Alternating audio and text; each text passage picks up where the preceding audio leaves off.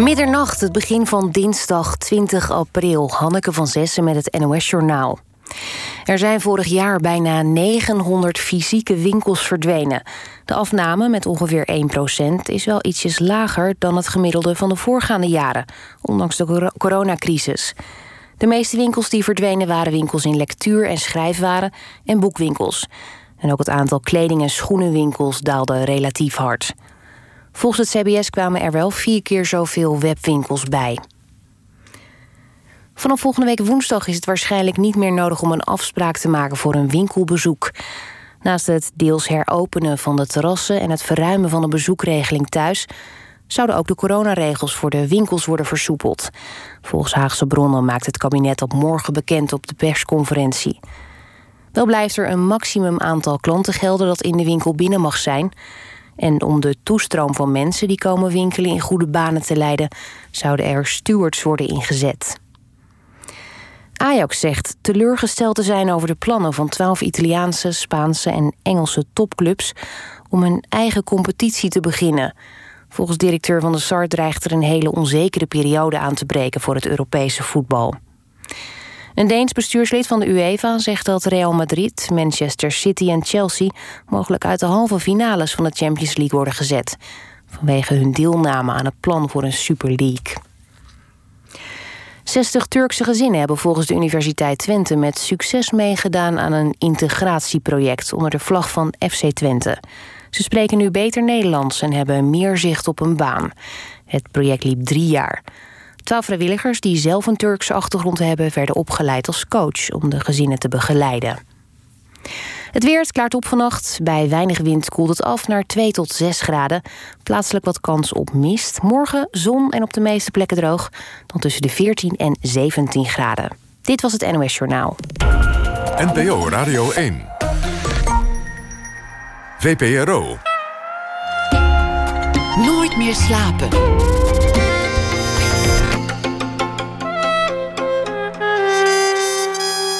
Met Pieter van der Wielen. Goedenacht en welkom bij Nooit meer slapen. Het blijft een bijzonder verhaal. Een Rotterdamse jongen die zich eens ingelijfd ziet in de Japanse underground. De wereld van gangsters, tegencultuur en eeuwenoude duistere rituelen. Ronin de Goede is hier. Hij maakte een prachtig fotoboek, Asakusa. En dat is een eh, boek dat gaat over een grimmige wijk in Tokio. Het gaat over bendes, over duistere steegjes, vochtige tattoo-kelders en normaal voor anderen besloten badhuizen. Ronin, en wie ooit eh, de boeken van James Clavell en anderen heeft versleten weet, dat is een samurai die geen meester meer dient. Hij is vrij van zijn shogun. Ronin de Goede dus, heette ooit Robin de Goede. Werd geboren in 1978, groeide op in eh, Rotterdam. Zijn familie kwam van Scheveningen. Hij volgde de kunstacademie in Den Haag en min of meer bij toeval belandde hij in de wereld van de Japanse gangs. Het werk is nu eh, te zien in Antwerpen in Ibasho Gallery. En Ibasho dat betekent zoiets als een plek waar men zichzelf kan zijn. Ronin, hartelijk uh, welkom. Dankjewel. Was, wat was eigenlijk de plek waar jij erachter kwam dat je daar jezelf kon zijn? Wat was het eerste moment in je leven dat je dacht, nou, nu, nu ben ik eigenlijk op een plek waar ik thuis hoor. Hier, voel, hier voel ik me prettig. In Japan? Ja, is dat echt zo? Of, of zeg je dat nu? Of is dat, is dat waar? Eh, ik zat te denken, doelde je op de galerie of, of, of, Japan? Nee, maar was het echt zo toen je voor het eerst in Japan kwam dat je dacht, nou, hier vind ik. Uh, nee, nee, de eerste keer, uh, het was echt de eerste verre reis. Dus toen ik in Japan kwam, ik was daarvoor nooit naar Amerika of iets geweest. Dus dat was een redelijke culture shock. Dat is like, dan is het echt die, die Gotham City ervaringen met al die lampjes. En dat was redelijk overweldigend. Pas na meerdere reizen, toen dat een beetje afstond, toen leerde ik meer het echte Japan kennen. En toen voelde je je thuis? En toen voelde ik me wel thuis, ja. ja. Want, want, want, wat je meestal hoort van mensen die voor het eerst naar, naar Japan gaan, precies wat jij zegt, is een soort cultuurschok, een overweldigend gevoel van ontheemdheid. Niet echt de plek waar je verwacht dat een jongen uit Rotterdam zich meteen genesteld voelt. Nee, misschien is nestelen ook het verkeerde woord voor mij, maar gewoon juist de conditie van een vreemdeling uh, zijn ergens, dan voel ik me eigenlijk meer in mijn element. Dat al je zintuigen wakker worden en dat alles vreemd is, dan voel ik me eigenlijk als een vis in het water. Anders is het meer saai, de normale definitie van thuis. Jij wordt uitgedaagd door het feit dat je het allemaal net niet begrijpt en dat je echt moet bijbenen om alles te volgen. Ja, juist. Dat, dat, zeg maar, die status, die lost in translation status, dat is iets wat ik altijd uh, opzoek en waar ik me ja, echt op mijn gemak bij voel. Maar je, je bent een, een, een boom van een kerel. Je valt daar op. Ja, dat is er. Hoe, hoe vind je dat dan? Uh, in het begin is dat redelijk exotisch voor sommige mensen. Zelfs in een stad als Tokio kom je toch op een gegeven moment uh, bij huishouden over de vloer. Waar je, die kennen natuurlijk wel westerlingen op straat misschien, maar dan ben je de eerste die echt over de vloer loopt. Maar ook na jaren en de connecties die je opbouwt, dan zien ze je op een gegeven moment niet meer. Word je toch een soort van vlieg op de muur. Dat werd ook vaak tegen me gezegd hoe bijzonder zij dat vonden. Je bent bijna twee meter en uh, je steekt behoorlijk af. Maar op een gegeven moment zien we je niet, uh, zien we je niet meer als een grote reus die hier loopt. Maar Zelfs hoor je daar gewoon bij. Ja. Slaag jij erin om jezelf onzichtbaar te maken? Ja, het is ja, ja, ja, praktisch. Zij noemen het altijd uh, Yamoto Damashii, de, de Japanese spirit. Dat is toch een beetje een soort, ondanks je fysiek, dat je toch een bescheidenheid kan uitstralen. En uh, dat is wel uh, belangrijk. Wat, wat bracht je naar Japan de eerste keer? Uh, het was eigenlijk mijn eerste vriendinnetje die besloot een Japanse tatoeage te nemen. En toen ben ik me een beetje in gaan verdiepen hoe dat allemaal zat en hoe dat in elkaar zat. En er was er een account op internet. En dat was een Japanse journaliste. En die maakte heel veel foto's van, van tatoeages van, en van Yakuza. En uh, zij was ook een model van Araki, een bekende fotograaf. En uh, dat vond ik allemaal heel erg mooi. Dus we kregen contact met elkaar eigenlijk. Gewoon een beetje praten. Ik, ik was destijds uh, tekenaar en schilder. Ze vond mijn werk heel erg mooi. En ik vond haar werk heel erg mooi. En op een gegeven moment uh, nam zij contact op en er was een verdwaalde tatoeëerder, een Japanse tatoeëerder in Amsterdam, die was de weg kwijt. En ze vroeg of ik hem kon opvangen. En die is vervolgens twee weken gebleven. Uh, waarop ik naar Japan werd uitgenodigd. Dus de, mijn eerste reis naar Japan viel ik al meteen met mijn neus in de boter. Maar, maar wat is een Japanse tatoeage? Want, want jouw vriendin destijds, die dacht ik neem een tato. En, en die wilde een Japanse tatoeage. Wat moet ik me daarbij voorstellen? Uh, ja, een Japans motief. Zij wilde wat tegenwoordig meer common is, een Japanse karper met wat kersenbloesem, de, de sakura. En uh, ik was op zoek naar een goede tatoeëerder. Uiteindelijk uh, belandde ik bij, bij Barco Brad in Noordwijk, een Nederlandse tatoeëerder. En daar zag ik ook al die foto's aan de muur van, van zijn reizen. En ik denk, uh, dat is vet. Jij verdiept je in, zoals je je in dingen verdiept in de wereld van de Japanse tatoeagekunst. Ja, ja, klopt. En dat bracht jou uiteindelijk in contact met een Japanse tatoeëerder die voor je het wist bij jou thuis kwam logeren. Inderdaad, ja. En die dan toen zei, nou dan moet je ook een keer bij mij komen ja, logeren. Ja, klopt. En toen je dat ging doen, waar, waar kwam je toen in terecht? Uh, ja, wat ik zei, eh, eerst die indruk van die grote stad. En daarna, want ik was in mijn eentje gaan afreizen, daarna naar hem toe, meer naar de rand van de stad. Een, een prefecture van Tokio, uh, Saitama. En dat was eigenlijk een heel rustig dorpje. En daar leefde hij heel verborgen, met de raampjes dicht. Uh, deed hij dan die tatoeages met, met de hand nog tabori, zoals dat heet op zijn Japans. En dat ging de hele dag zo door, klant in, klant uit. Hoe, hoe doe je dat met de hand? Is, is dat dan een, een, een krabben, tikken? Uh, het, het, zijn eigenlijk bamboestokjes, eh, soms, soms ook stalen stokjes met, met naalden daarop. En voor de lijnen gebruiken ze dan een paar naaldjes. En voor de shading, voor de grotere oppervlakte, dat gaat tot, geloof ik, tot 30, 35 naalden. Dat klinkt heel arbeidsintensief. Het is behoorlijk arbeidsintensief en heel, heel moeilijk om te leren ook. Dus die, uh, die Japanse meesterklasse, zeg maar, de, de horis, dat, uh, dat vereist vaak de 10, 15 jaar uh, voordat ze beginnen hun eigen titel krijgen en aan de gang gaan. Ja. Ik heb wel eens begrepen dat, dat ze in Japans, in Japan niet zo ontzettend dol zijn op tatoeages. Nee. Als je zeg maar werkt ergens als postbode en ze zien een tatoeage onder je mouw vandaan komen, dat je meteen naar huis kunt. Ja, zeker een overheidsfunctie. Dan is het, of het nou een Mickey Mouse is of iets, dat, uh, het hoeven geen traditionele motieven te zijn. Dan uh, is dat echt not dan. Het wordt nog steeds heel erg geassocieerd met, uh, met georganiseerde misdaad. En, en dus daar wordt echt van weggekeken. Officieel is het ook echt verboden om het te laten zien in het publiek. Dus, vaak als je naar een badhuis gaat of naar een hot spring, dan staat er ook geen, geen tatoeage. Er staat zo'n bordje met een groot kruis erin. En als je dan het bad instapt met, met, een, met een soort kontgewei, dan word je er ook meteen uitgegooid. Ja, ik heb het wel eens gedaan met, met een Japanner. Zelf ben ik niet zo brutaal, maar dat was geloof ik in Nara, uh, vlakbij Kyoto. En dat was gewoon een soort normale hostel. En uh, wij wilden eigenlijk afzonderlijk gaan baden, mij en, en, en, die vriend van mij. En de eigenaar zei, die leek een beetje op die gast van Karate Kid... ik kom zo gezellig met jullie baden, met zijn nieuwe gasten. En uh, wij waren ons aan het wassen en we zaten allebei onder de, onder de inkt, onder de tatoeages. En hij kwam binnen en hij begon spontaan te beven. En hij liep meteen de deur uit. Hij dacht, dat is foute boel. Want dan ben je, ben je gangster in zijn ogen. Ja, het wordt hier wel geassocieerd met iets, met iets negatiefs, ja. Betekende dat dan ook dat jij in, in een soort gangsterwereld terecht kwam toen je ging logeren bij een tatoeëerder?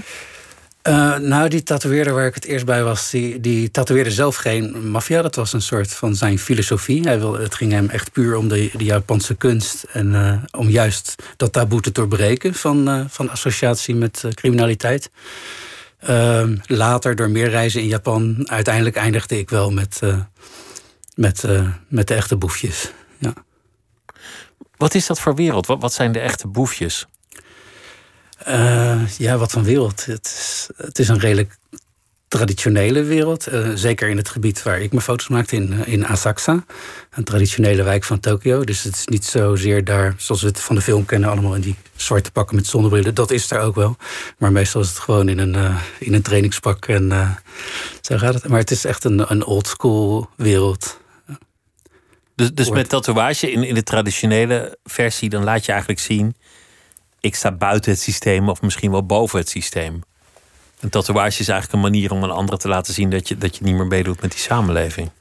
Uh, het is meestal wel aan de rand van de samenleving, maar los van dat heeft het ook een spirituele betekenis. De tatoeage is vaak voor de bescherming, zowel de, de motieven, dat zijn vaak uh, uh, goden of godinnen uit de lokale tempel. Maar ook de inkt zelf is eigenlijk voor de bescherming. En veel geloven daar echt heilig in. Het is heel erg verbonden met het, met het Shinto-boeddhisme. Maar aan de andere kant wordt het ook gebruikt om te intimideren. Dat is echt een feit. Dus een bepaalde, een bepaalde tatoeage straalt macht uit en moet iemand anders bang maken. Ja, bijvoorbeeld ja, als, als wij nu op de vuist gaan en iemand trekt zijn shirt uit, dan, dan, en je ziet al die tattoos, dan is de, zeg maar, de tegenstander ook een beetje geïntimideerd. Je hebt ook de festivals in Japan. En één keer per jaar heb je een van de grootste festivals in Tokio, dat is de Sanja Matsuri. En dan is eigenlijk de Yakuza is allemaal ontkleed. Ze dragen dan alleen een fundoshi, een soort, uh, een soort string. En dan, dan straalt het ook echt macht uit. En uh, het betekent ook dat je geld hebt, want het is duur om zo'n lichaamstatoeage te nemen. En het straalt ook uit dat je tegen, goed tegen pijn kan. Uh, ja. dat, is, dat is ook een voordeel ervan. Je hebt, je hebt die behandeling ondergaan, dus dan zal je wel een flinke jongen zijn. Ja, het is een soort van een toewijding. Ja. En de, de Yakuza, wat, wat is dat precies? Uh, Yakuza in principe is, zijn, is een misdaadsyndicaat, net zoals we dat kennen uit andere landen. Uh, dus ze verdienen hun geld over het algemeen met dezelfde dingen zoals dat overal ter wereld gebeurt. Wapens, drugs, ja, afpersing. Ja, precies. Maar het is wel. Ze hebben soms ook meer een sociale functie. Eh, Yakuza zijn ook gewoon, los van het illegale, hebben ze veel legale bedrijven. Het waren ook altijd gewoon verenigingen die zeg maar in de gouden gids stonden. Je kon gewoon bellen met een telefoonnummer. Ze geven hun eigen tijdschriften uit. En, uh, dus ze hebben ook een soort van uh, een andere voorkant. En daarmee ook een soort onaantastbare status. Want, want als misdaadsyndicaat zou je in principe de gouden gids vermijden, denk ik. Uh, ja, ze hebben ook een soort van sociale functie. Echt dat, dat verenigings. Echt mensen die zeg maar in dienst zijn. Tegenwoordig wordt dat steeds lastiger gemaakt door de Japanse overheid. Dus als je een bedrijf bent en je doet zaken met een bedrijf wat gelieerd is aan de kan je weer vergunningen kwijtraken. Of krijg je geen leningen. Zodoende heb je ook een soort vergrijzing op dit moment binnen de Japanse maffia. Het wordt minder aantrekkelijk gemaakt voor jongeren om erbij te gaan. Maar uitroeien of wegkrijgen, dat, dat zal uh, vrijwel onmogelijk zijn. Waar bestond jouw fascinatie? Je, je kwam naar Japan, je, kwam te logeren bij een tatoeëerder. Je had eerst culture shock, maar, maar je bent meteen heel vaak teruggegaan. Wat, wat was hetgeen dat je zo aansprak? Kan je, kan je dat benoemen? Kan je dat terugtoveren? Ja, wat me aansprak was dat het zo fundamenteel anders was dan hier. Uh, zoals fysiek, maar ook hoe mensen met elkaar omgaan. Daar denken vaak mensen eerst. Uh, uh, wat vindt iemand anders hiervan? Of, of de groep? Uh, het is, hier is het vaak dat we eerst vanuit onszelf uitgaan. Dat heb je ook met die mondkapjes. Iedereen denkt dat het is om jezelf te beschermen. Maar in Azië is dat duidelijk om de ander te beschermen. Als jij verkouden bent eerst.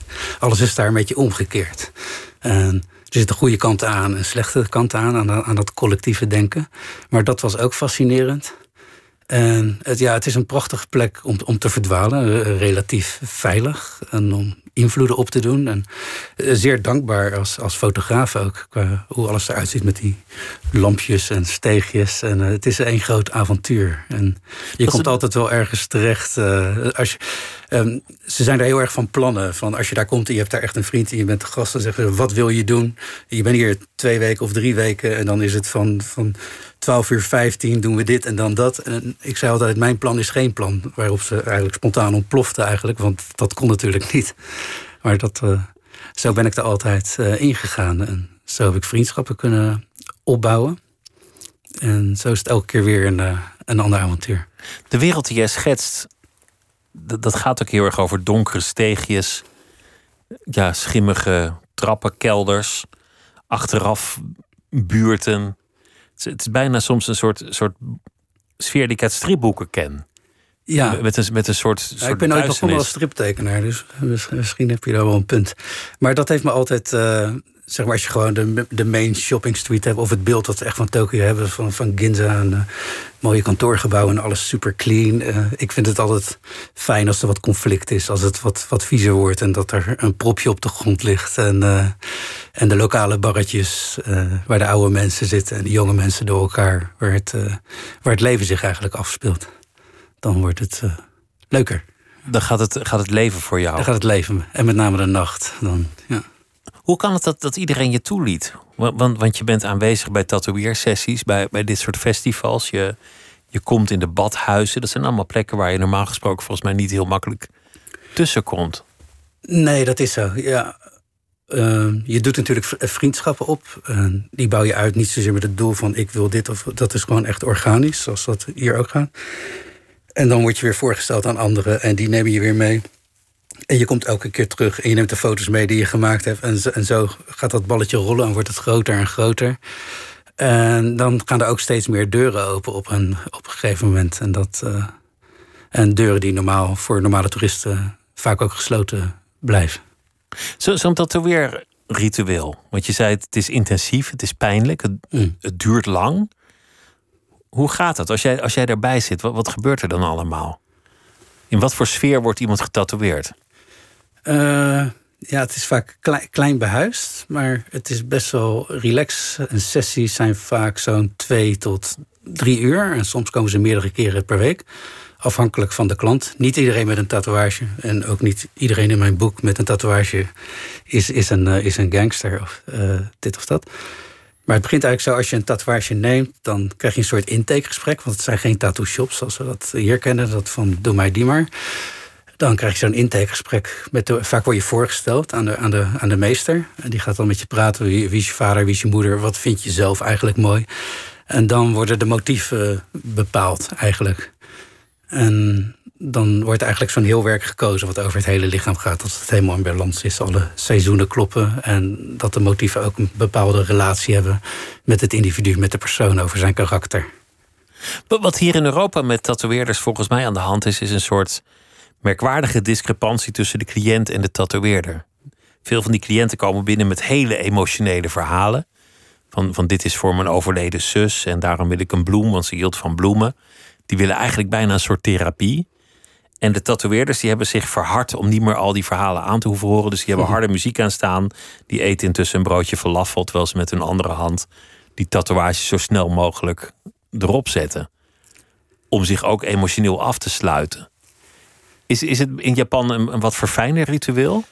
Het is misschien uh, iets. Ik schets opzettelijk een karikatuur van, van de Europese. Het is misschien iets trouwens. verfijnder en zo, zo zouden ze het zelf ook altijd vertellen.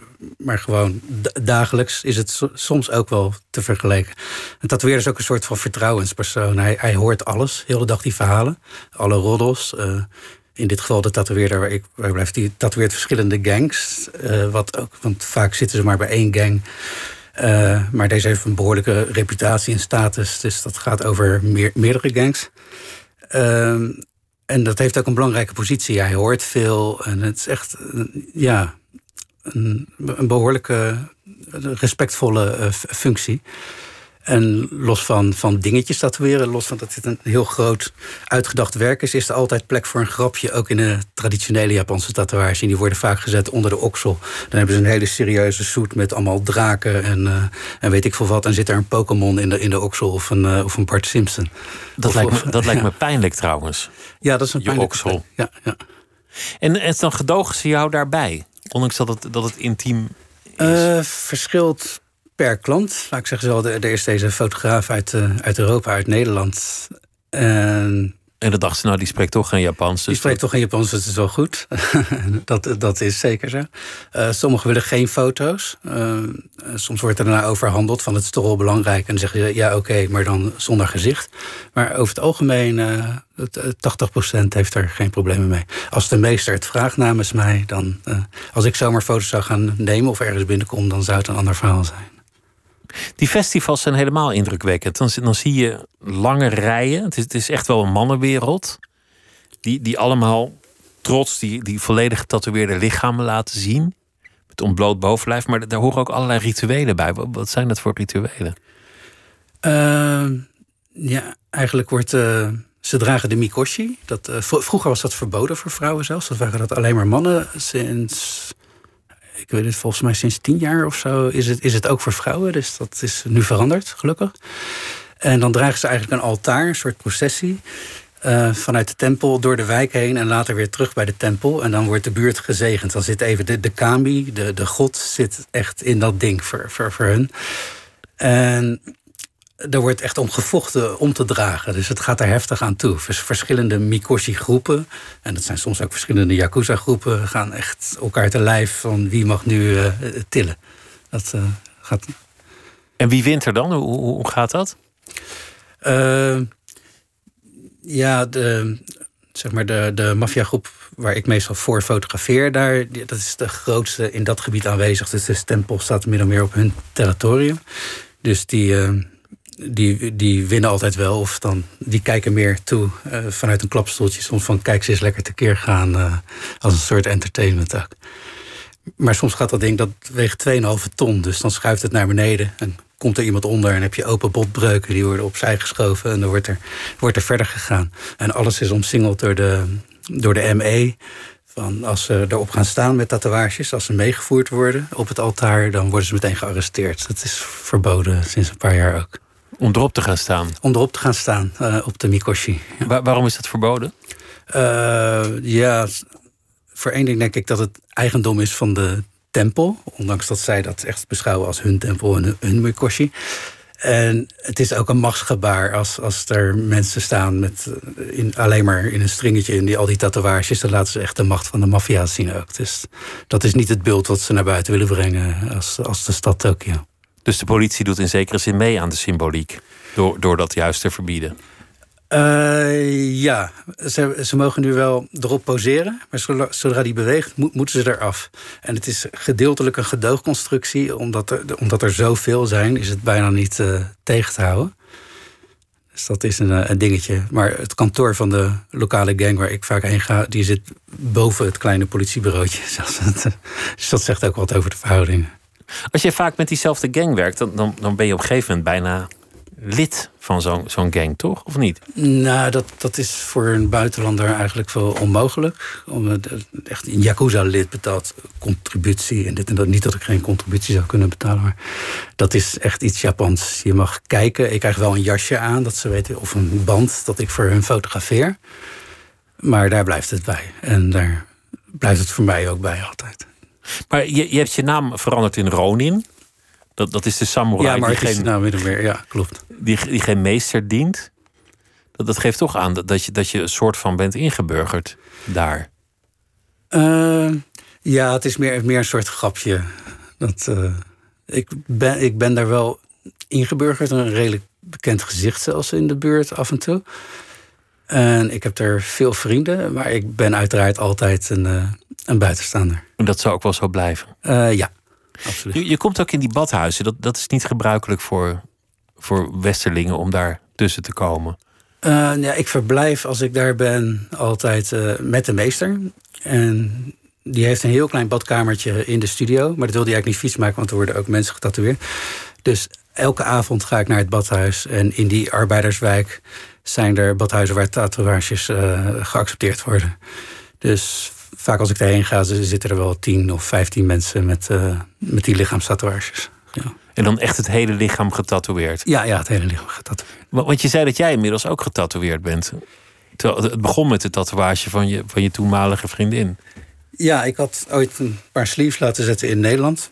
Maar toen ik uh, vaker in bad moest uh, met hun eigenlijk, zeiden ze dat het van een hele kale bedoeling. Jouw lichaam, jouw lichaam was een beetje over. Ja, ja precies. Dat, dat, dat zag er natuurlijk niet uit. Dus ondanks dat je al naakt was, voelde je je naakt? Je voelt je naakter als je tussen al die getatoeëerde mensen zit. Als je naakt bent. Dat, dat, is zeker zo. En als er dan een, op een gegeven moment was er een plekje vrij. Of er was iemand uitgevallen. En toen zeiden ze, uh, ga maar liggen. En dat heb ik toen gedaan. Toen zijn ze begonnen. En ik denk, daar bleef het bij. Maar elke keer als ik terugkwam, uh, besloten ze toch maar verder te gaan en verder te gaan. En werd er in bad, werd er overlegd. En wat ze allemaal zouden gaan doen en uitbreiden. En uh, in welke stijl en dit en dat. En dat is nog steeds een work in progress. Dus ik blijf ook altijd terugkomen, omdat het... Hoe, hoe ver ben je nu? Waar, waar, zijn ze begonnen? En, en uh, ze zijn op, op, de pijnlijkste plek begonnen. Wat, wat is dus, de, de solarplek, zeg maar. hier. Je, je middenrif? Of ja, je, middenrif.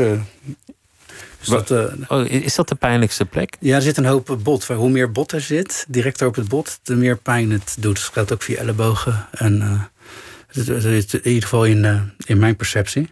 Ja, ik, ik dacht een hele andere plekken toen je, toen je zei de pijnlijkste. Maar... En voor na tatoeëren vonden ze het ook nog leuk om op de traditionele manier om water met een lap in de magnetron te doen. En daarna dicht te branden met kokend water. Eigenlijk na de sessie waar je echt door het plafond schiet van de pijn. Dat... Echt een kokende lap op je, ja, ja, op je huid. Ja. Dat is iets wat ze vroeger deden en nu niet meer. Maar het is leuk om op een buitenlander eh, uit te proberen. En dat is dus eigenlijk een soort test of je, of je wel uh, mans genoeg bent? Uh, ja, het is kijken hoe iemand reageert. Er, is een hoop humor. Er wordt, uh, hoe meer het pijn doet, hoe meer er gelachen wordt soms. Ja. Vond je het ook grappig? ik, ik kon er wel om lachen, ja, ja. Ondanks dat je het uitschreeuwde van de pijn? Ja, een jaar later was er een, Nederlandse vriend van mij, die werd ook getatoeëerd. En uh, ze waren het eigenlijk vergeten. En toen heb ik ze nog even herinnerd aan het, aan het kokende lapje, wat hij vervolgens ook krijgt. Dus dat, uh, wat dat betreft ben ik net zo'n sadist misschien. Die wereld die trekt je aan, die, die fascineert je. Een wereld van macht, rituelen, geloof, bijgeloof. Uh, ja, het is een beetje een mystieke wereld. Je begrijpt ook nooit alles. en dat is dat, het, het blijft fascineren wel. Er staan, er staan wel degelijk vrouwen in jouw boek, terwijl in, in die traditionele wereld de vrouwen eigenlijk een, een vrij zijdelingse rol hebben. Wie, wie zijn de vrouwen die, die jij gefotografeerd hebt? Uh, verschillende vrouwen. Ik, er staan natuurlijk tijdens het festival heb ik ook de vrouwen gefotografeerd. Vaak zijn dat uh, de, de partners van, van uh, lokale bazen. En dat zijn behoorlijke machtige vrouwen. Je kan het ook zien aan de, aan de rang, aan de strepen op een jasje. Officieel zijn vrouwen nooit eh, lid van de Yakuza. Dat is echt nog een, eh, een mannenwereld. Maar de vrouw achter de man is behoorlijk sterk en, uh, en heftig. En geniet veel respect ook. Ja. En het zijn, het zijn echt ook foto's in, in een bepaalde traditie van, van Japanse... Ja, misschien wel erotische fotografie. Ja, zeker. Ja, ik heb wel wat, uh, wat helden in de Japanse fotografie. Zoals Fukase en Araki en Moriyama. En dat is wel iets wat me aanspreekt. We leven tegenwoordig in een tijd waar alles een beetje clean is. En zeker met de digitale fotografie natuurlijk. En ik grijp wel een beetje terug naar de jaren 50 en 60 qua Japanse fotokunst. De meer rauwe fotografie. Ja. ja je hebt al wat, wat tentoonstellingen gehad en, en nu in Antwerpen. Maar hoe is het eigenlijk aangeslagen in Japan zelf? Want, want het, het is niet vaak gefotografeerd, dit, dit onderwerp. Uh, het is natuurlijk wel bijzonder als iemand van buiten komt die zich in die wereld weet te begeven. Ja, internationaal zijn er natuurlijk wel wat voorbeelden van, uh, van, mensen die min of meer. Wel, hetzelfde weet ik niet. Iedereen heeft zijn eigen invalshoek. En ik kom ook wel eens andere fotografen tegen. Maar ik zit over een langere tijd eigenlijk bij dezelfde mensen. En dat is wel iets. Het is meer een soort. Dat zeg ik ook, een, een visual diary, een soort dagboek van, uh, van toen ik daar aan het werk was. En hoe hebben ze dat in Japan ontvangen? Uh, ze zijn eigenlijk altijd best wel fan geweest van mijn uh, foto's. Want elke keer als ik kwam, je hebt wel mensen die nemen dan foto's en die zien ze nooit meer. Maar ik nam altijd afdrukken mee terug. Het zijn dus best wel analog in die oude buurt. Dus uh, weinig met e-mail en dit. Ik nam altijd fysieke prints mee. En dan later, als ik een keer kwam bij een baas thuis of zo, dan hingen mijn foto's aan de muur. Dus werd eigenlijk elke dag herinnerd aan mijn werk, omdat het gewoon in een huiskamer hing. En ik was dan alweer verder. Dus ik kreeg ook de kans om. Dan namen zij weer ergens mee naartoe. En toen mocht ik ook steeds meer uh, foto's maken. En zo ontwikkelt het en nog steeds. Ja, zo ontwikkelt het eigenlijk nog steeds. Want zodra het weer kan, zul je, zul je teruggaan. Voor, voor wie dit inschakelt, Ronin de Goede zit tegenover mij... naar aanleiding van uh, het boek Asakusa en de tentoonstelling uh, in Antwerpen... en zijn, zijn werk in het algemeen. Je hebt je camera, heb, heb ik ergens gelezen, ooit opgedaan... omdat je die hebt geruild voor artefacten... die je uit de Atlantikwal hebt ja, dat klopt. Weet, weten te, te ontvreemden. Wat, wat voor camera heb je allereerst? Uh, ik heb een oude meetzoeker, een, een, een Leica.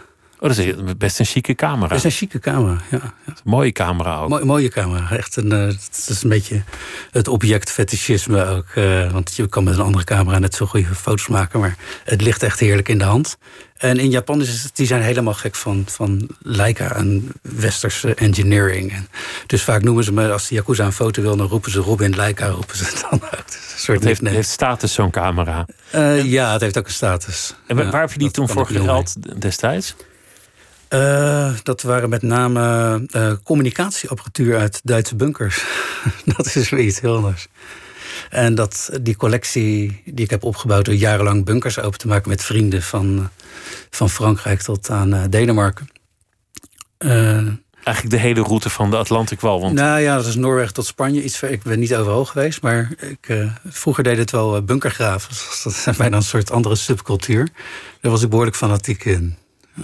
Hoe is dat begonnen? Uh, dat is begonnen met mijn opa en oma aan Hoek van Holland, denk ik. Als ik erop stond en een frietje halen bij de bunkers. Die, die objecten fascineerden altijd. Wat zit erin achter, achter al dat beton? En uh, daar fantaseerde ik over, maakte ik tekeningen over. En later uh, kwam er meer literatuur. Op een gegeven moment kreeg je het internet en dan kwam er nog meer literatuur. En leerde je ook andere mensen kennen die met hetzelfde bezig waren. Met name in, in, in Duindorp en Scheveningen. En toen gingen we ook op avontuur. En dan s'nachts met de schep. En dan met, met Google Earth en REF-kaarten en oude Duitse tekeningen gingen we die objecten opsporen en, uh, en, uh, en openmaken. En daar werden we steeds bekwamer en professioneler in. Uh. Het is eigenlijk een, een, een absurd bouwwerk. De, eigenlijk een soort poging om, om de hele kust van West-Europa, van, van de bezette gebieden, van beton te voorzien en, en bunkers om maar die gevreesde geallieerde landing. Ja, militair strategisch is het natuurlijk. Het is een hele statische linie eh, van A naar B over zoveel kilometer. En als je op één punt doorbreekt, is dat hele ding waardeloos. Uh, dus wat ook uiteindelijk dat, uh, gebeurd is. Wat uiteindelijk ook gebeurd is, uh, ja. En wat je ook wel had kunnen voorspellen dat zou gebeuren, dat er altijd ja. een, een, zwakke plek zou zitten. Ja, maar, ik, maar... ik, vond de bunkers eigenlijk nooit mooi voor wat ze ooit waren, maar voor wat ze nu zijn. Is meer een soort romantische ruïne-filosofie. En die ervaring als je een bunker openmaakt na 70 jaar... is een soort van een miniatuur Tutankhamon ervaring. Dat je de eerste bent die na 70 jaar binnenkomt... en soms de krant nog vond van, uh, van net na de bevrijding. En, uh, dat, dat, en, en het buiten zijn en, stiekem natuurlijk... of op de vlucht voor de politie of de, en de boswachter, dat, uh, dat was het meer. Hoe kan het dat, dat op zoveel plekken dan nog nooit iemand zo'n bunker in is geweest... in zo'n lange tijd? Ja, hoe is dat eigenlijk mogelijk? Direct na de oorlog werden die dingen natuurlijk uh, als, als littekens gezien van de, en herinnerd aan de bezetter. Dus die moesten weg. En uh, op plekken die behoorlijk prominent zijn, zoals de boulevard van Scheveningen, werden die gauw opgeblazen en er ging geld tegenaan. En plekken wat meer in de duinen, ja, dan was het meer zand erover. Dat was iets goedkoper. En, uh, Laat maar zitten. Laat maar zitten. Ik heb nog, we hadden soms hele leuke sloopstekken bijvoorbeeld van de gemeente Wassenaar. En dan stond er die ene aannemer, die had zoveel kilometer prikkeldraad uh, opgerold en een bunker vernietigd. En die had zoveel florijnen, had hij daarvoor gevraagd. En wij hebben die tekeningen op een gegeven moment en prikpennen hoorden we tok tok en dan vonden we die bunker. En die bunker lag dus tot op het dak vol met prikkeldraad. Dus die had die bunker opgespoord, niet gesloopt. Alle prikkeldraad erin prikkeldraad gedaan. erin. En... Zand erover en de rekening gevangen en, en weggelopen. En waarschijnlijk nog dezelfde aannemer die hem nog gebouwd heeft ook. Dus, het zijn natuurlijk ook niet werken die heel makkelijk te slopen zijn. Want massief beton bedoeld om, om nogal stevig te zijn. Gevlochten beton waarschijnlijk ook. Ja, je hebt, dit wordt een heel... Militair. Oh, je hebt verschillende bouwsterkten zeg maar, in, de, in de Duitse vestingsbouw. Maar de meest sterke, de, de ST, de Ständiger Ausbau. Uh, de bomvrije bunkers, die zijn twee tot drie meter uh, gewapend beton. En die zijn behoorlijk duur uh, om weg te krijgen. Soms merk je ook mensen als ze nu een huis bouwen of willen ze een liftschacht erin hebben op een bestaande bunker, dat dat, dat niet zo makkelijk is voor de aannemer om, uh, om dat klusje te klaren. Maar gewoon kleinere bouwwerkjes, die zijn vaak uh, muren van 33 centimeter, een dak van 55. Dat, uh, die zijn iets makkelijker op te ruimen. Maar die liggen meer in gebieden dat, dat een beetje zand erover. En dan heb je daar ook echt weinig last van. Tegenwoordig doen ze weer dienst als vleermuisreservaten en dergelijke. Wat, wat, wat, vonden jullie dan? Want dan ging je s'nachts op pad met, met je kaart beetje graven in de duinen. Oppassen ja. voor, voor, uh, voor de politie en, en, en, de boswachter. En op een gegeven moment zei je dan, voel je iets? Dan moet je dat ding nog open krijgen. Dat, ja. dat is ook niet eenvoudig. En wat... Ja, de, de meeste regio's in, in, in Nederland was, is het echt behoorlijk uh, goed schoongemaakt. En bezemschoon opgeleverd. Los van gebieden waar... Bezemschoon is trouwens een poëtisch woord. Ja, ja. Dat, uh, en, ja, daar vonden we eigenlijk niks. Maar vier muren waren al interessant. En soms zie je ook nog teksten van de soldaten. Dat... je bijvoorbeeld in Oostvoorne, er zaten ook uh, uh, Turkmenen gelegerd. En dan zagen we teksten en dan denk hé, hey, dat is niet Duits. Of dat heb je op Texel ook, en, uh, waar de Georgiërs zaten. dat, dat is al interessant. En, en tekeningen en fresco's die ze maakten.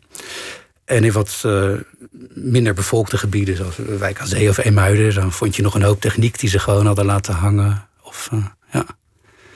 Je, je, vertelde net over Japan dat je houdt van, van de achterafsteegjes, van het ongepolijste. Je noemde dit een soort Tutankhamon gevoel, dat je als eerst een piramide binnenkomt. Ja, een soort moderne archeologie. Wel, ja. Maar juist die avontuurlijke kanten van dat wel. En je begon als striptekenaar. Ooit. Ooit, ja. ja. Wat, wat, voor, wat voor strips waren dat? Graffiti en hier, poel. Dat, uh, een beetje sci-fi was dat, geloof ik. Uh, iets heel anders, een beetje naïef als ik terugdenk. Ja. En je hebt in, in, diezelfde tijd gewerkt als, als portier in een, in een nachtcafé. Ja, tijdens mijn kunstacademietijd financierde ik mijn studie mee als uh, nachtportier in Den Haag. Klopt. Een café dat heette de Pijpela. Klopt, ja. Dan heb je meteen ook een soort bouwkundig beeld van... van ja, het was een oude, oude paardenstal, was het ooit, zelfs weet ik. En het, het is een steegje van, uh, van Noordeinde, bekende winkelstraat in Den Haag.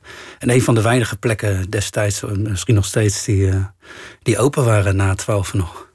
Dus daar kwam het residu van de andere cafés naartoe gestroomd? Ja, ja met een mooi woord residu inderdaad. Het was uh, ja, eclectisch gezelschap, alles door elkaar. Van kunstenaars, muzikanten tot studenten, van alles. Hoe, hoe ben je daar terecht gekomen?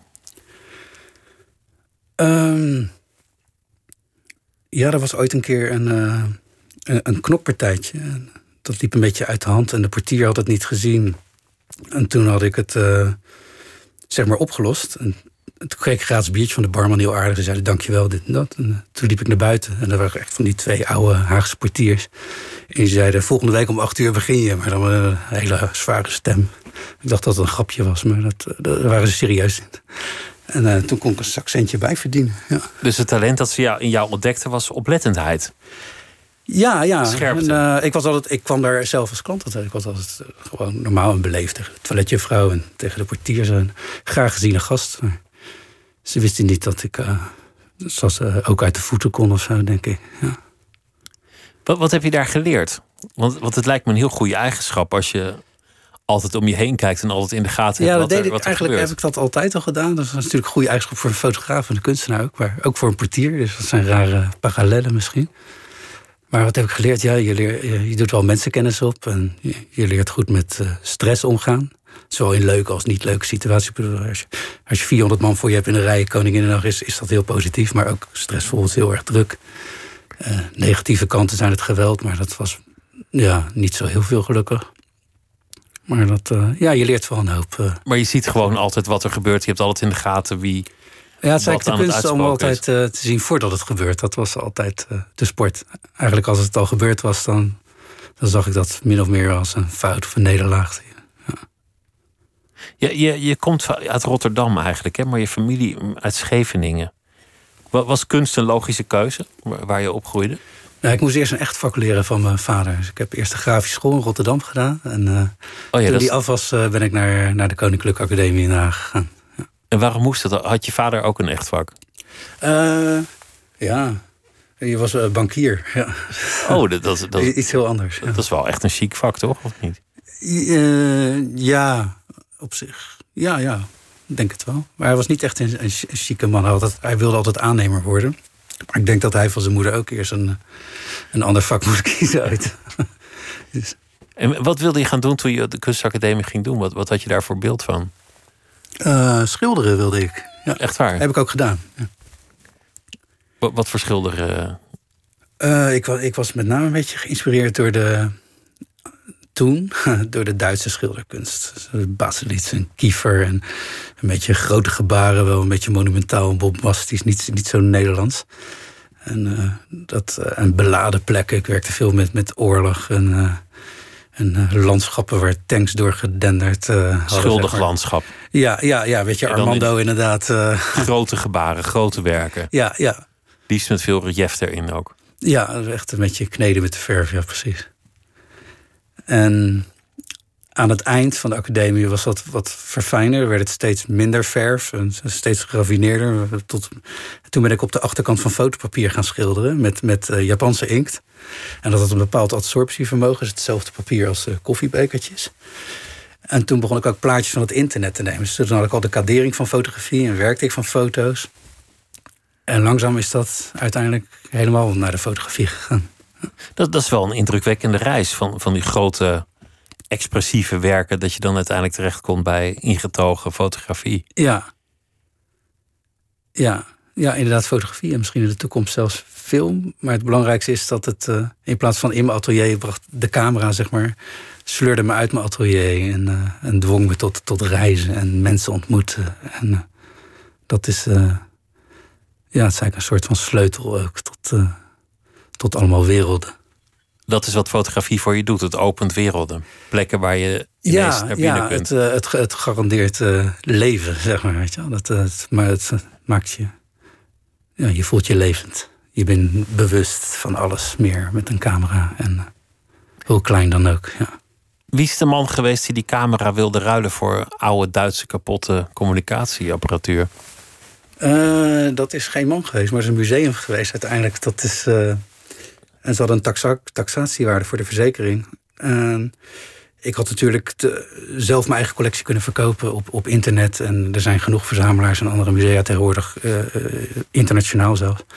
Maar ik wilde ook niet dat die collectie uit elkaar zou vallen. En uh, waar we altijd zo hard voor gewerkt hadden, voor dat beeld. Dus toen hebben we het voor een. Eigenlijk symbolisch, als ik die camera kan kopen, dan ga ik verder met, me, met mijn andere leven. En dan vind ik het goed zo.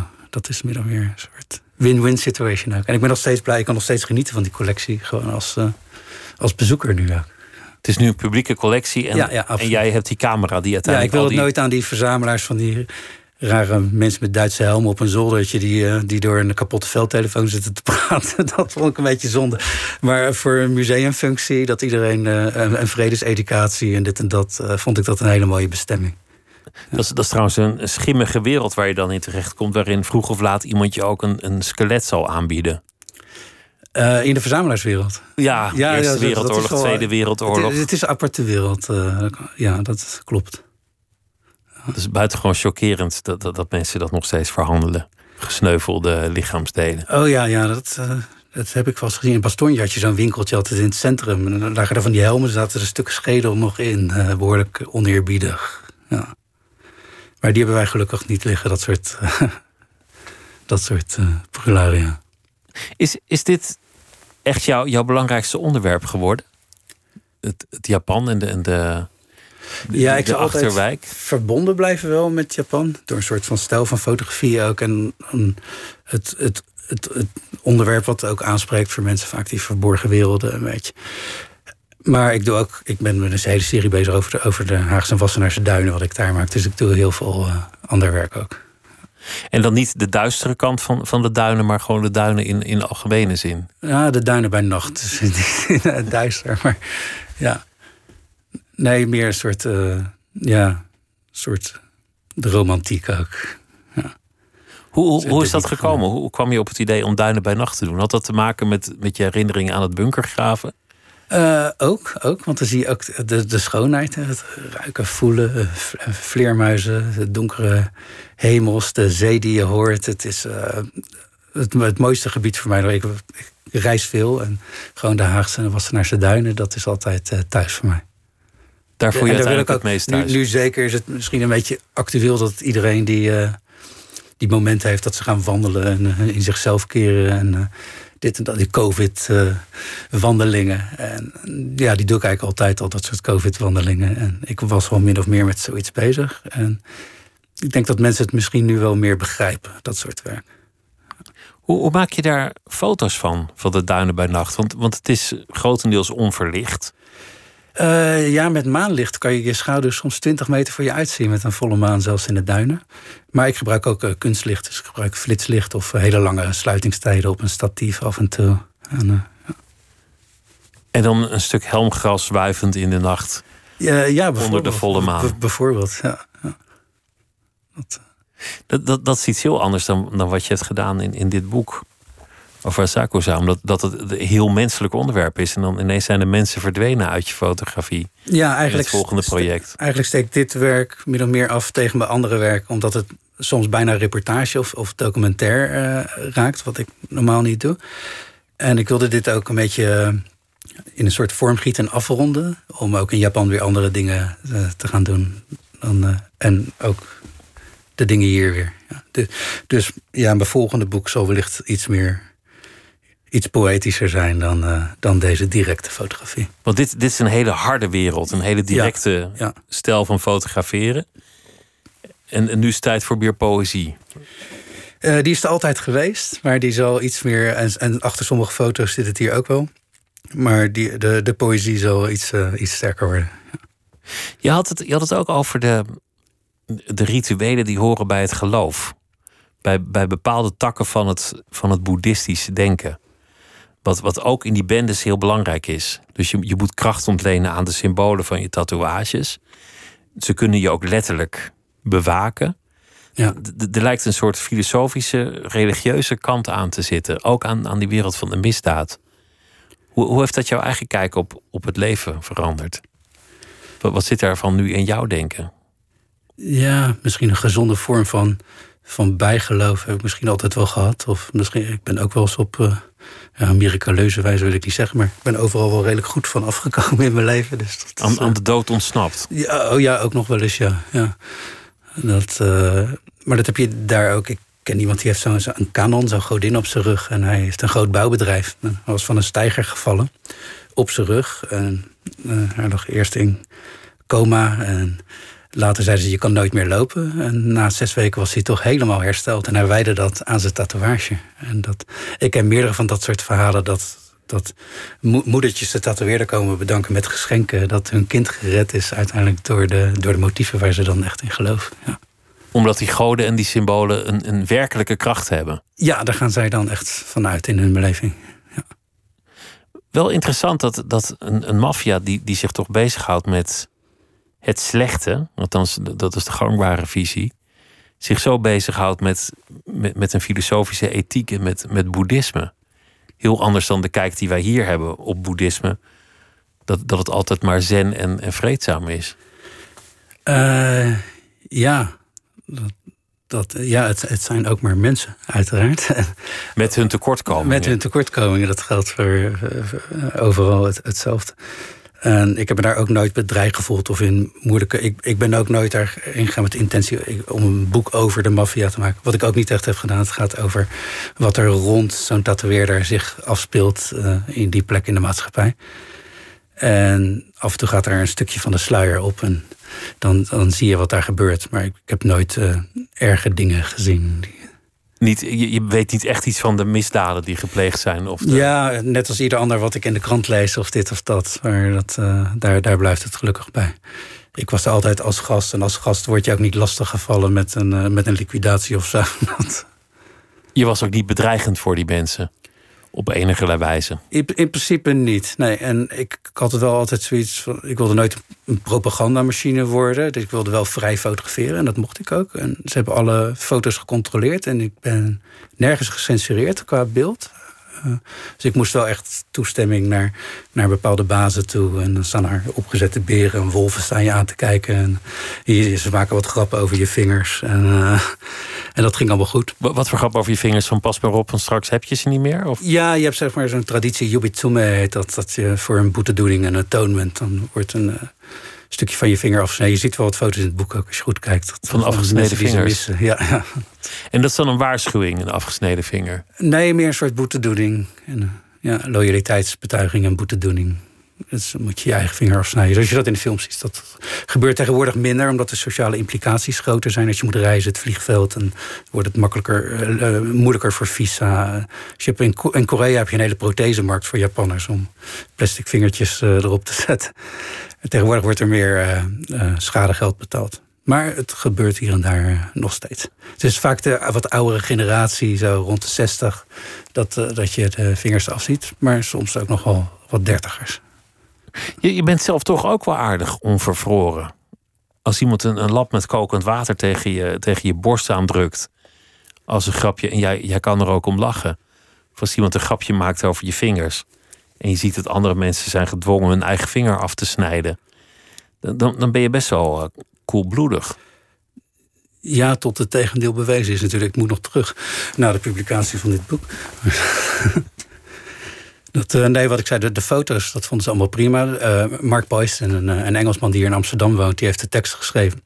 En juist één stukje uit de tekst werd gebruikt om het uh, boek aan te prijzen. Maar ook in Japan, het boek is in Japan uitgegeven immers. En daar stond even expliciet uitgelegd, uiteraard los van de context van het boek, hoe de maffia zijn geld verdient. En dat vonden ze niet zo'n leuke associatie met hun gezichten en dat tekstje. Dus dat, en wat, wat gebeurt er dan? Krijg je dan meteen een vervelende mail? Of? Uh, ja, uh, dan krijg ik wel wat berichtjes. Ja. En dat, uh, dus er moest vergaderd worden in Japan wel eventjes hierover.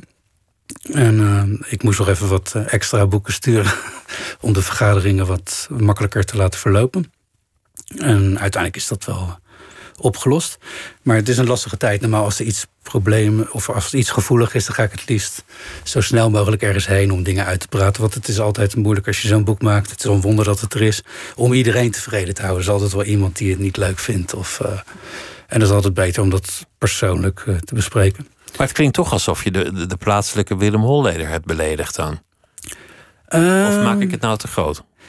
Ja, soms worden in Japan dingen eerst heel erg uitvergroot om ze daarna weer te verzwakken. Het zijn een, een, een, sorry, ik kan tegen jou sorry zeggen. Sorry in Japan kan twee weken duren. Weet je, die, echt die sorry-cultuur. Dus dat uh, soms kan sorry of vergeving kan strategisch uitgebuit worden. Dit en dat, je wilt een beetje verder kijken. Maar het is voor dus, mij wel dus weer Zo'n conflict vergt voor jou ook een andere aanpak die, die je deels ter plekke moet uitvinden. Uh, ja, het is altijd voor mij, voor mij is 1%, 1 is, is, is zeg maar op de knop drukken om een foto te maken. En 99% is diplomatie altijd. Uh, dat is. Uh, uh, en het meeste is. Wordt het je gegund? Want sommige mensen vinden het niet zo leuk wat ik doe misschien, maar die gunnen het me wel. Dus dan zeggen ze, oké, ik heb er niet zoveel mee. Of liever niet, eigenlijk dit. Maar, maar je bent een aardige jongen. Dat, ja, ja, het wordt, oké, okay, doe maar dan. Weet je wel, dat... En dat is wel iets wat je ook uh, bij moet houden. Het is niet alleen maar nemen, je moet ook geven. Ja. Je, je, vertelde dat, dat je je toenmalige vriendin een Japanse tatoeage wilde. Sindsdien is er ook van alles gebeurd in, in je leven verder. Wie, wie, wie is je huidige vriendin eigenlijk en, en hoe staat die hier tegenover? Uh, ja, mijn vriendin tijdens het maken van dit boek was uh, uh, Koreaans. En dat heb je ook weer een dingetje. Is uh, Japan en Korea, het koloniale verleden van Japan. En dit, en dus die had juist die traditionele wereld, die, of de Yakuza-wereld is behoorlijk traditioneel. En dat was soms ook voor, voor haar moeilijk destijds. Aan de andere kant, de Japanse maffia heeft hier ook heel veel uh, Koreanen in de gelederen. Want na de oorlog konden veel uh, Noord-Koreanen nooit meer terugkeren, omdat het paspoort eigenlijk uh, weg was. Dus die zijn gebleven in Japan. En dat was een minderheid, dus die werden altijd gediscrimineerd en die moesten beter hun best doen op school en die werden gepest. Dus die zijn eigenlijk groepen gaan vormen. Dus heel veel van die gangs die hebben een Koreaanse origine. En juist waar ik zat, zat er behoorlijk wat Koreanen. Dus dat boterde uiteindelijk gelukkig wat beter. En jouw vriendin die woonde in Korea? Ja, ja. Dus jij reist heen en weer tussen, tussen Den Haag, Korea en, en, en uh, Japan. Ja, ja, klopt.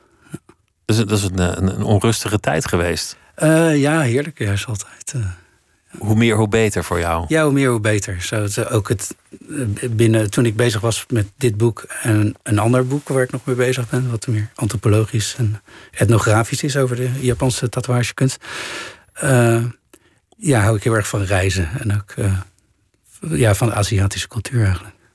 Maar dat betekent dat je heel veel naar Japan moest en, en, en dat jouw vriendin eigenlijk dubbele gevoelens had tegenover die hele cultuur die aan het fotograferen was. Ja, wat ook wel weer veranderen. Want zij kwam uit een redelijk uh, echt conservatief uh, Koreaans nest. En er werd echt naar Japanners gekeken nog steeds als de, als de overheerser en, uh, en boeba. Maar toen mijn vrienden af en toe uit Japan naar Korea kwamen bijvoorbeeld... waren dat gewoon hele leuke mensen. En na een paar karaoke sessies samen... dan was alles weer goed en genoeg soju of, of sake. Dus ik bracht ook weer mensen bij elkaar als uh, vreemdeling. Die functie kan je soms ook weer hebben. Dat, is Sake is gewoon het smeermiddel. Ja, want als natuurlijk als je kijkt, als je alleen maar over de geopolitiek en de politiek... dan, dan is het makkelijk om elkaar uh, zeg maar niet te mogen. Maar als je uiteindelijk echt naast elkaar zit en je zingt samen een liedje... Of, dan, dan wordt het allemaal wat makkelijker. Je, je, je, sprak al in verleden tijd over haar. Is, is dat eigenlijk niet vol te houden?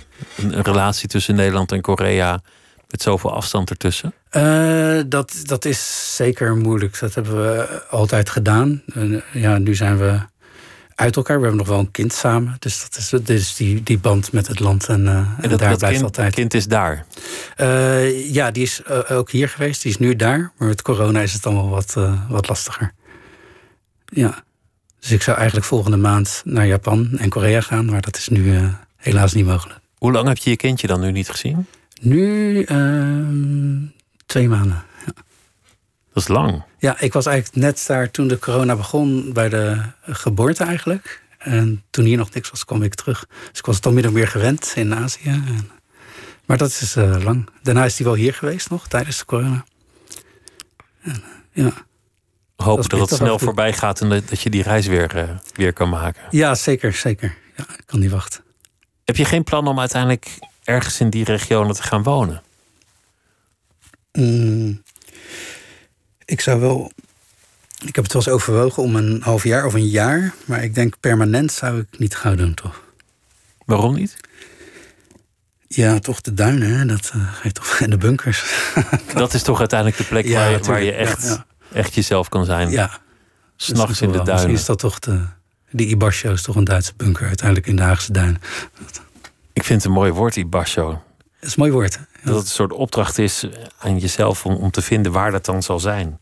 Ja, het is de naam van de galerie waar ik nu de tentoonstelling ja. heb. Maar, het is ook, uh, maar Ibasho is ook wel echt Ibasho. Het prachtige galerie met uh, hele leuke, lieve mensen. En, uh, en, de beste plek die ik had kunnen wensen om dit project te laten zien in Europa. Hoe, hoe zit dat nu trouwens? Want, want gaan zij daar alweer open? Of, of is het voorlopig uh, Ze zijn online? nu open op afspraak. En, oh, ja. uh, dat, dat valt allemaal wel goed te doen in, uh, in België. Ja. En dan is het daar nog, nog te zien en nog, nog een, een flinke poos. En intussen komen er allemaal nieuwe projecten van jou aan? Ik hoop het wel, zeker. Ik ben, uh, ik ben altijd druk bezig en ik ben altijd met het volgende bezig. Dus, want, want er komt nog een boek uh, over de tatoeagekunst, maar dan meer antropologisch, zei je? Ja, ja dat doe ik samen met, uh, met ook de schrijver van dit boek. Maar de, dan ben ik eigenlijk meer de, de researcher en de fotograaf voor dat project. En de, de teksten zijn allemaal van, van Mark Poyston. En er komt nog een boek over de, de duinen bij nacht. Ja, ik weet niet hoe het... Het gaat niet zo heten, maar het is het decor zal uh, ja, de duinen bij nacht zijn. Ik ben heel benieuwd en ik kijk er naar uit. Dankjewel dat je te gast wilde zijn en dat je wilde vertellen over het boek Asakusa. En het is te zien in Antwerpen, in Ibasho Galerie. Ronin de Goede, hartelijk dank. Dankjewel. Het was er genoeg en ik wens je heel veel succes en heel veel mooie reizen en mooie foto's. Dankjewel. Dankjewel. En zometeen kunt u luisteren in Nooit meer slapen naar... oh nee, zometeen kun je luisteren naar Misha Blok als Miss Podcast als Misha er is of, of iemand anders. Of Milou anders. Nou, in ieder geval Miss Podcast. En dan morgen, dan is Nooit meer slapen er weer. En dan is uh, Peter Delpeut mijn uh, gast. En uh, die heeft een boek geschreven. Maar dat komt allemaal morgen wel. Dank voor het luisteren. En ik wens u een buitengewoon goede dag.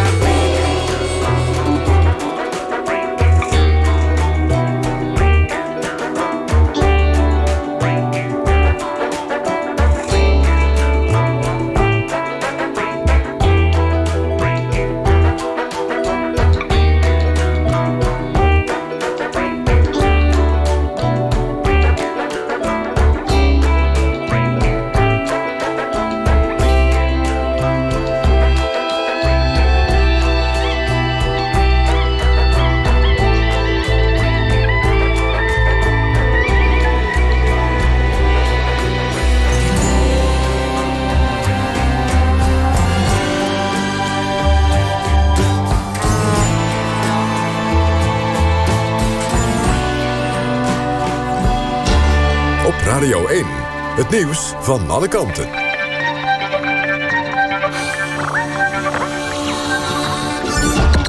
NPO Radio 1.